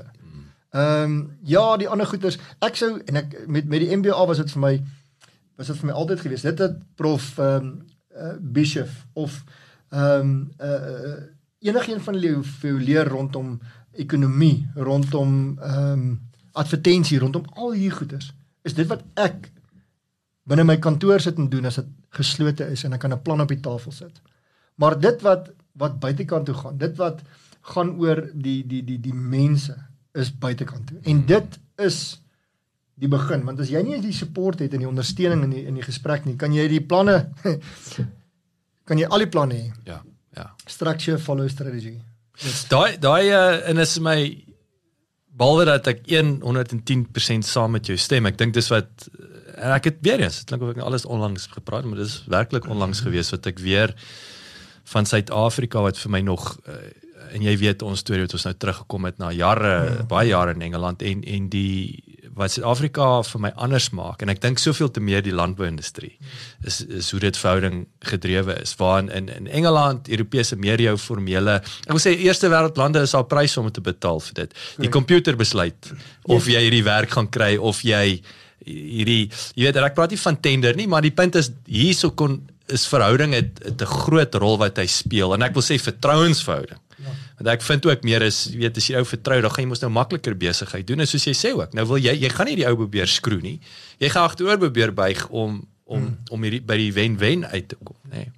Ja, verhoudings is is sleutel en ehm um, ja, ek weet ek dink veral en en ek het nou nog gepraat van die politiek in ons bedryf en die rooi vleisbedryf spesifiek ook. Ehm um, ek het gepraat van en ek het gesê dis 'n simbiotiese verhouding. Ons moet verstaan Ek het eendag, ek het eendag en ek wil nie vir die die staaltjie vertel, een van die ek wil nie ek sou nie sy naam noem nie. Een van die van die van die direkteure van RPO het met die gesprek gehad en hy sê hy het 'n was by 'n veiling gewees en hy sê my vergewe as ek nou sy storie vat en dit vertel, maar dit het vir my so sin gemaak. En ja, yes, hy bie op hierdie diere en hy stry dit af en op die einde van die dag koop hy die diere teen 'n baie goedkoper prys ehm um, as wat die ander diere verkoop is op hierdie veiling. En toe hy in die kar klim en hy by sy skoonpa het hy geleer om te boer en so aan. Toe sê sy skoonpa vir hom, "Wat het jy nou gedoen?" Hy sê, "Ja, wel, hy het 'n fantastiese deal op hierdie veiling gekry wat hy hierdie ou se afgestem." Hy sê, "Jy verstaan nie. Hierdie ou moet ook geld maak om môre weer aan jou diere te verkoop. Jy het hom nou so afgestry en jy het so min vir daai diere gekry dat hy heel waarskynlik nie môre kan lewer nie. Ja, hy het nie nou geld om die besigheid aan die gang te kry. Presies. So almal in hierdie waardeketting moet geld maak. En en dis presies waar dit gaan. Ons moet mekaar oppas. Sonder die rooi vleisprodusente organisasie en hulle lede is daar nie genoeg diere om aan die voerkrale te voorsien nie. As jy voerkrale nie hulle kan bring nie, is daar nie genoeg voer ag vleis vir die abattoir nie. En so is daar nie genoeg vleis op die einde van die dag op ons rakke nie. En so gaan ons dan lyk like soos Namibië. En jy kan gaan kyk. Namibië bloei. Hulle het hulle voer fantastiese vleis uit, maar hulle het nie genoeg vleis vir hulle eie mense in hulle land Ja, nie. ja, ja. Vleis is onbekostigbaar hier in Namibië. Vir watter rede? Wel, daar's nou 'n klomp, maar onder andere een van die goeders is Uh hulle wil uitvoer. Ek wil sê hulle En- verstaan nie verhouding nie. Hulle verstaan nie verhouding nie. So ek wil vier goed. Vier goed vir jou vra. So eers een ek wil vinnig aansluit by die uh baie goeie advies van verhoudinge wat, Hmm. wat ek 100% mee saamstem. Nommer 2, wat wat om nie te doen nie. Wat is wat is een van die sal een of twee goed wat uitspring oor die jare wat jy nou sê dit was nou absoluut die domste ding ja. wat wat ek kon doen of dalk iemand anders kon doen. Wat wat wat het uitgespring? Ek ehm um, ek is van mening dat uh ek het nou nou gesê ek is vlug van begrip. Nou dit daai fout maak ek nog baie keer. Is om te dink jy het die antwoord of jy weet alles. Ehm um, ek dink een van die grootste foute wat 'n mens kan maak is assumptions. Nou daar's 'n 'n sê ding rondom assumptions, maar dis verskriklik belangrik om om nie aannames te maak rondom enigiets nie. Ek dink 'n goeie 'n goeie entrepreneur, 'n goeie bestuurder, 'n goeie leier ehm um, moet stil bly en luister. Jy moet ehm um, hoor wat word op die tafel gesit. Ehm um, ek weer eens ek ek wil ek wil 'n ding verwys na of 'n 'n voorbeeld gebruik. Ehm um, ons het in eers in 2004, 3, 4, 5 uh die Skapinaar wat my mentor was. Ons sit in 'n vergadering en ek is 'n 'n jong prokureur mos nou en ehm um, ons MBA besig om te doen. So hy weet jy's mos 'n chopper. Jy's slim nou, Jy's jy's baie slim baie nou. slim. en so sit ons ons is 3 of 4 ouens, ehm um, een ou van die ekonomie kant en ons almal sit saam rondom 'n tafel en ons maak 'n besluit of ons 'n uh, laboratorium moet koop. En ek kan wel sê dat daai laboratorium op hierdie stadium fantasties doen. Uh en ons het 'n goeie besluit gemaak Ja. daai tyd, maar skalk sit toe lank terug en ons voer gesprekke hoekom nie syfers en en en voordele en alles. En toe ons almal klaar is. Toe sê hy is jy klaar?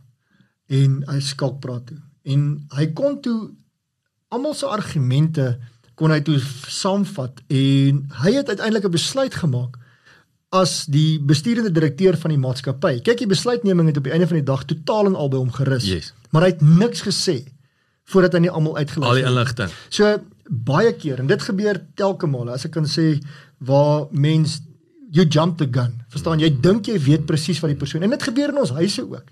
Ehm um, ek meen ek het met met kinders waar jy dink dis wat die kind wil sê en jy skiet dit af of jy begin praat voor die tyd. Dit is ek dink van die grootste foute wat gemaak word om nie te luister en te verstaan wat aan die ander kant aangaan en wat presies probeer daardie persoon sê nie.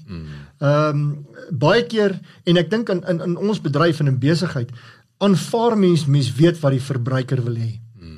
En jy weet want dis wat ek wil hê. Ja ja. So, So dit almal moet mos so ja, voel. ek, ek is Jan Alleman, so ja, dit maak sin. So dit maak sin want ek verstaan die bedryf. Hmm. En ons moet onthou dat daar mense is wat die bedryf verstaan nie of ons moet ook verstaan byvoorbeeld in ons wie koop rooi vleis. Dis nie ek en jy dink ons koop rooi vleis. Nee, dis die vrouens. Die hmm. algemene ding daar buite is die vrou gaan koop die vleis. Sy en en en mens moet praat tot daardie persoon. Nou die retailers, die jy weet die die, die groot maar hulle verstaan dit 100%. Mm. En hulle weet presies hoe met wie om te praat. Ehm um, so ons moet luister wat ons wat ons kliënte wil hê en natuurlik ook wat jou wat jou uh, werknemers wil hê. En ek dis 'n dis 'n ontsettende groot fout. Aannames. Ek dink Yes. uh, is die downfall van van baie ouens. Ja. En weer eens, hoe sterker 'n verhouding, Ja. nou kan jy eerlik gesels, hoe minder aannames, hoe meer. Ek 100%. is, is baie goeie advies. Biosecurity. Mm. Jy het dit aangehaal. Ja. Gee ons 'n snapshot. Wat wat beteken dit? Wat is die probleem? Wat is die geleentheid? Right so binne in, in in ek gaan verwys na na die lewende hawe geleentheid want jy het um, in Afrikaans ag in Engels is wys hulle na die na die na die phytosanitary ehm um, reëls en regulasies en dis meer maar biosekuriteit spesifiek vir lewende hawe en en aanteeldiere gaan daaroor dat jy ehm um, sekere prosesse protokolle in plek sit om jou dieregesondheid uh, op 'n sekere standaard te hou. Ehm um, kom ons vat byvoorbeeld ehm um, back and closure op hierdie stadium wat nou baie relevant is. Daar's 'n plig op die staat om ehm um, hulle noem dit surveillance te doen uh, op 'n op op 'n deurlopende basis te kyk of daar back and claw binne in die diere voorkom. So as die ehm um, surveillance nie plaasvind nie, gaan jy op enige oomblik kan jy 'n uitbraak hê en dan gebeur soos wat tans gebeur in Suid-Afrika, dan moet ons 'n massiewe klomp geld spandeer om surveillance te doen om te kyk hoe ver wat is die. 'n- 'n reaktief waar e- waar waar dit eintlik aktief moet wees of proaktief. Ehm um, so biosekuriteit in besonder gaan daaroor dat jy jouself en na jou eie kudde omsien en sorg dat dit gesond is. Dis is om vitamiene te drink. Ehm um, ek drink rooi peper elke dag om sekere goedes in plek te sit en ek dink hierdie en ek dink daai. Dis dit vir jou kudde. Ja. Dis wat dit is om seker te maak en en biosekuriteit is soos jy weet dis soos alles anders. Jy moet net op jou eie werk kyk. Mm. As elke ou nie kyk na die ou langsom nie en net sorg dat sy kudde gesond is, gaan dit baie beter. Nou wat gebeur is in Suid-Afrika en ek sal dit kort noem. Baie keer wat gebeur is. Ons wil kyk na die opkomende boer langs ons en sê maar hy doen nie dit nie. Mm. So hoekom moet ek dit doen? En ek sê, so jy gaan nie hoekom moet jy dan 'n mediese fonds? Want die ou wat buitekant is het nie 'n mediese fonds Ja. nie, maar jy het eene. So hoekom kyk jy na jouself? Dit maak mos dit Ja, dis so, so- so nou om jou vinger af te ja. sny om daai ou te spot. Ja, ja, Verstaan, dit dit ja. maak nie sin nie. So biosekuriteit vir my gaan daaroor dat elke ou kyk na sy eie diere gesondheid en die diere wat deel is van sy eie kudde en dit op te pas. suksesstorie. En ek wil nou ek wil ek weet nou nie lei nie, maar dis nou toevallig toe inkom en ons praat van Philip van Sernik. En ek bedoel die ouens wat nie weet nie, Nick Serfontein verlede jaar boer van die jaar gewees. Ek, ek was daar op sy plaas gewees uh, met die media dag in Februarie voor Covid nou nog. En ek bedoel dit is jou jou jou mond hang oop oor hoe die ou, maar hy is 'n bedryfsingenieur, so hy verstaan supply chain, né? Ja, ja, ja. Maar hierdie is nou wat ek jou wil vra is 'n suksesverhaal. Nou wil ek nie so ek sê ek wil jou nie lei en sê kom ons praat oor Sernik nie, maar ek bedoel jy praat nou van 'n 'n 'n 'n 'n produsent, vleisprodusent, voerkraal, slagpaal, die kos selfs, restaurante, afsetpunte, die hele is daar Ja, ek dink daar's baie suksesverhale. Maar ek dink ons en en ek Nick is 'n baie goeie voorbeeld daarvoor. Ek dink oom Nick en ek noem hom maar oom Nick want hy is my pa. So oom Nick het seker goed as reg gedoen en hy het die totale waardeketting. Nou onthou weer terug na MBA toe. As jy die hele waardeketting het, dan bestuur jy die hele waardeketting en jy sny jou risiko uit. Want ek weet waar dit gebore word, wat ek oordra in die voerkraal, wat ek in die abattoir, jy verstaan alles want jy het sigbaarheid. Ja. Daai sigbaarheid waarvan jy gepraat het. Ehm um, Sernik is een is 'n baie baie groot voorbeeld. Ek gaan net ek meen jy het nou spesifiek gesien na sy na sy ehm um, na die na die wenne wat hy gehad het en die en die suksesse wat hy behaal. Ehm um, ek het 'n opmerking dat voerkrale hulle self ek wil sê elke jaar, elke 12 na 24 maande reinvent. Sjoe. Hoekom? Jy sal sien en kom ons vat nou Sernik en hom Nicolas as 'n voorbeeld. Hulle is die heeltyd besig om vernuwe te dink. Wat kan ons bysit? Wat kan ons anders doen? Vir die eenvoudige rede, eerstens hy moet voorbly in die, in die, in die, in die resies. Ehm um, en die tweede plek is as hy dit nie gaan doen nie, want hy probeer sy koste sny. Hy probeer so ver as moontlik elke keer koste verlaag, koste verlaag deur effektiwiteit Mm. deur beheer, deur oorsigtelikheid. En hoe meer jy dit kan doen, hoe meer effektief kan jy wees. En dis die uiteinde daarvan.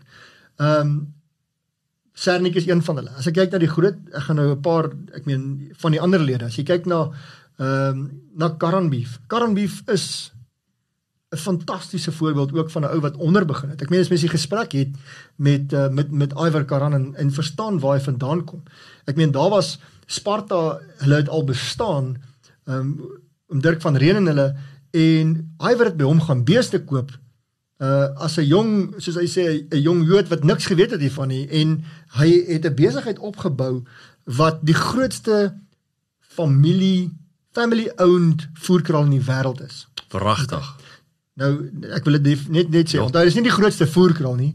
Dis die grootste family family owned. Ja, Ja, die ander is almal korporatief. korporatief. Yes, so, yes. Dit is 'n massiewe eer om daai voerkraal in Suid-Afrika te hê. Mm. Ehm um, dis 'n massiewe hy het ongelooflike hoë hoogtes bereik in die manier wat hy dit wat hy goeders doen. Ehm um, is dit net hy die eerste ding wat hy vir jou sal sê is nee, ek het 'n span van mense wat saam met my werk. Uh, ek kyk na Beefmaster. As jy kyk na die Van Renen familie, onthou daar's uh, Sparta en Beefmaster word albei besit deur Van Renens. Ehm um, dis nig en neef. So waar hulle vandaan kom. En as jy weet jy wat is wat is eintlik verskriklik Lou van Renen is is die voorsitter van van van ons voerkraalvereniging en hy's die CEO van Beefmaster. En hy het my eendag vertel van 'n storie hy het met 'n ander boer gaan praat en gevra waar kom jy vandaan? Wie is jy? En die boer kon dit nie vir hom sê nie. Toe sê hy vir hom ek is Lou van Renen en my voorvaders het saam met Jan van Riebeeck of net na hom op die skip gekom. En weet jy wat was hulle gewees? Vleishandelaars. So vir teer sedert die 1600s Ja. is hulle in die vleisbedryf. Ja, ja. So hy ken sy geskiedenis. Uh, en dis 'n dis 'n ongelooflike prestasie. Hulle het nie gegaan en gesê maar ons word nou ewe skielik bouers nie. Ja. En ek wil almal challenge eintlik hier om sê wat is jou geskiedenis? Ja. Ek sê nie jy kan dit nie verander nie. Ja, ja. Ehm maar waar kom jy vandaan? Hmm. Gaan vind uit. Ek dink is ongelooflik om te verstaan wie jou voorvaders was, waar hulle vandaan kom, hoe het jy ontstaan? So as jy kyk na Beefmaster byvoorbeeld. As jy kyk na Sparta Beef. Sparta Beef het weer 'n heeltemal 'n ander aanslag rondom 'n nisproduk met Angus. Ehm um, wat hulle ongelooflik. As jy in die lughawe gaan staan en jy vlieg internasionaal en jy gaan in die duty free shop. Wat kry jy? Angus beef. Ehm um, dit is net en so oom Dirk van Renen het altyd gesê en ek haal hom nou aan as ek verkeerd is met hulle my skiet daaroor maar hy het altyd gesê as jy 'n beeste vel aftrek is almal Angusse. So want jy kan nie sien nie. So, kan sien. jy weet, so op die einde van die dag maar Sparta hulle Estel het 'n fantastiese ding gedoen en en en en, en sy het ongelooflike hoogtes bereik. En dan kyk jy na kleiner na ek wil sê kleiner en is nie klein voerkraal nie. Uh SIS ehm um, wat kan die ou Canheim was wat oorgevat. Dis net dis die die die die Heimanse. Dis ongelooflike ehm um, besighede wat bestaan oor nie 10, 15, 20 jaar nie. Daar's Chamber Beef. Jy weet, uh, Jock, hierdie ouens bestaan vir 50 jaar. Yes, dis 'n So die meeste voerkraal in. Suid-Afrika. Ehm um, het nie jy begin jou voerkraal gister en jy dis dis tydsaam en en die meeste van hulle is 20, 30, 40, 50 jaar oud. Ja. Uh nou dit maak dit baie keer moeilik in gesprekke om te sê dat jy's ek wil graag 'n voerkraal begin. Ja, dis fyn jy kan, maar het jy 50 jaar. Ja, ja, ja, Uh, ja, ja. Jy kan either deelneem in die waardeketting of jy koop in. Mm. Of jy spandeer geld en jy koop aandele binne 'n waardeketting. Ja. Maar dis alles ouens wat ehm um, wat ek dink fantastiese hoogtes bereik het. En so is elkeen op sy eie. Uh het 'n ander tipe van 'n sukses bereik binne in die, in in in die rio rooi vleis en spesifiek dan in die voerkraal omgewing. Laaste vraag en uh, ek's bly jy het nou die Angus as 'n niche angle mm. aangehaal want ek wil nou ek het hier 'n nota gemaak snaakse vleis. Wagyu. Wagyu is 'n snaakse vleis. Baie goeie voorbeeld. Kom ons praat wagyu en dan kom ons praat is daar iets kleiner skaal vleis wat weird is wat aan die gebeur is? Okay.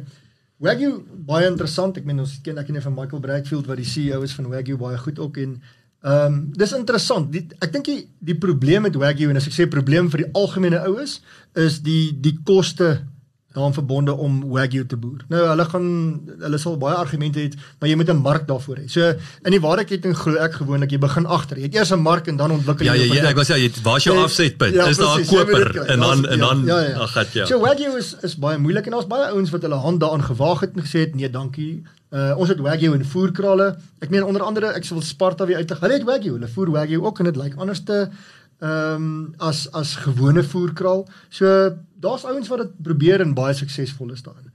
Ehm um, nis produkte spesifiek en as jy kyk na en ek kom ons gaan terug na Sparta Angus toe. Uh jy moet 'n brand bou. Kyk, dis moeilik en dit vat verskriklik baie tyd om brand te bou. Ehm um, Chamber Beef hier in Babsfontein is ook ene. Chamber Beef het 'n heeltemal 'n ander uitkyk. Hulle is nie 'n generiese produk nie, dis ook 'n 'n nisproduk. Hulle naam is 'n nisproduk want hulle doen sekere goeders op sekere maniere.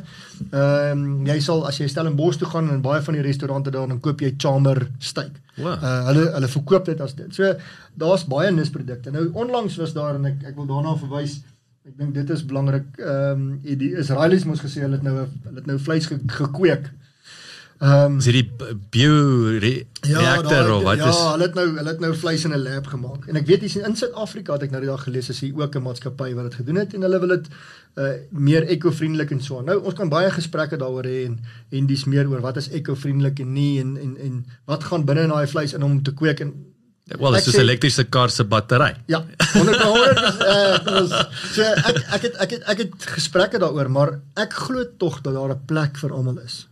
Ehm um, ek het baie gesprekke, jy weet 'n voerkraal setup is 'n ding waar jy mielies voer of produk voer en jy hou hom in 'n in 'n in 'n spesifieke kamp waar free range sê en jy alles moet loop en dit maar ek sê daar's 'n spesifieke mark vir almal. En ek dink soveel keer probeer ons mekaar dooddruk. Ehm um, daar was nou die dag in in Landbou Weekblad het het uh, Mani my gebel wat altyd in Landbou Weekblad skryf en sê hierdie ou het hierdie goed gedoen en hy sê sy goed lyk so en is baie beter as voerkraalbeeste. Toe vra ek vir hom een ding, toe sê ek vir hom is dit nodig om my produk af te kraak om syne te boost? Mm, is As jy ah, daar begin as jy slippery slope. Ja, ja nee. En en en ja, daar's baie produkte hierdie ek ek sou nou dink hoe daaroor sê ek daar dink, maar ek dink dit is nodig om te sê uh varkvleis is nie goed nie. Ek dink eers 'n varksteak op sy tyd is lekker. Uh 'n skaapvleis Ek wou net is- sê bacon, wat wat sal die wêreld sonder bacon is, wees? 100%, maar bacon is nie vark nie, want dan gaan jy al die al die ouens in Saudi-Arabië verloor. Nee, bacon is nie vark nie. Nee, nee, dis bacon. Dis geblykte, is geblykte. Blyk is bees. So, jy weet, ons almal het 'n plek. Daai daai ouens wat wat wat wat hierdie snaakse produkte en hierdie goeders kweek. Ehm um, ek dink daar's plek vir hulle in Suid-Afrika spesifiek. Dink ek gaan dit baie moeilik wees om om pos te vat vir die eenvoudige rede en ons het nou daaroor gepraat, prys. Ehm um, jy gaan nie in Kenia instap en sê, "Wow, jy mag nie daai stuk steak eet nie, jy moet daai ene koop wat van plante gemaak is." Mm. Wat gaan hy vir jou sê? Hy gaan sê nee nee. Jy verstaan nie. Ja. Ek soek proteïen. Ja. Ehm um, so Afrika is in 'n baie ekonomie 'n uh, uh, unieke posisie, maar dit skep massiewe geleenthede. Maar verantwoordelikhede daar saam om te produseer volgens welvaart of welsynstandaarde en en reëls toe te pas. En dis dis waarvoor ons staan. Ons sê ons verstaan dat daar 'n uh, nie vra is nie, maar daar oë is rondom die manier hoe mense hierdie goeders doen. Dis net soos hoenders binne in 'n in 'n in 'n hatchery. Ek meen jy sit al hierdie hoenders. Daar's vrae daar rondom, maar jy moet dit ehm um, met die no nodige etiek hanteer. Mm. En ek dink ons is hier om te heers oor hierdie diere, maar ons moet dit verantwoordelik doen. Mm, mm, mm. So ja, daar's snaakse goed en ek dink baie ouens is besig om te eksperimenteer en dis fantasties. Ek bedoel, hoe meer hoe meer rooi vleis verkoop of dit nou voerkraal, free range, uh noem dit wat dit wil is, hoe meer rooi vleis word verkoop en hoe meer hoe beter doen dit ons mark. So ek is van mening dat ja, my werk is om te kyk na voerkraal en my lede, maar ek sê, yes, ons moet soos wat baie ander lande doen, moet ons 'n brand Suid-Afrika daar uitsit en sê, kom ons gaan verkoop Suid-Afrikaanse rooi vleis aan die res van Suid- aan die wêreld. Yes. Dewald, dit was heerlik om jou te gesels. Dis insiggewend hierdie. Ek bedoel dis 'n ander wêreld wat jy vir ons 'n bietjie oop gegrou het. Dankie vir jou tyd.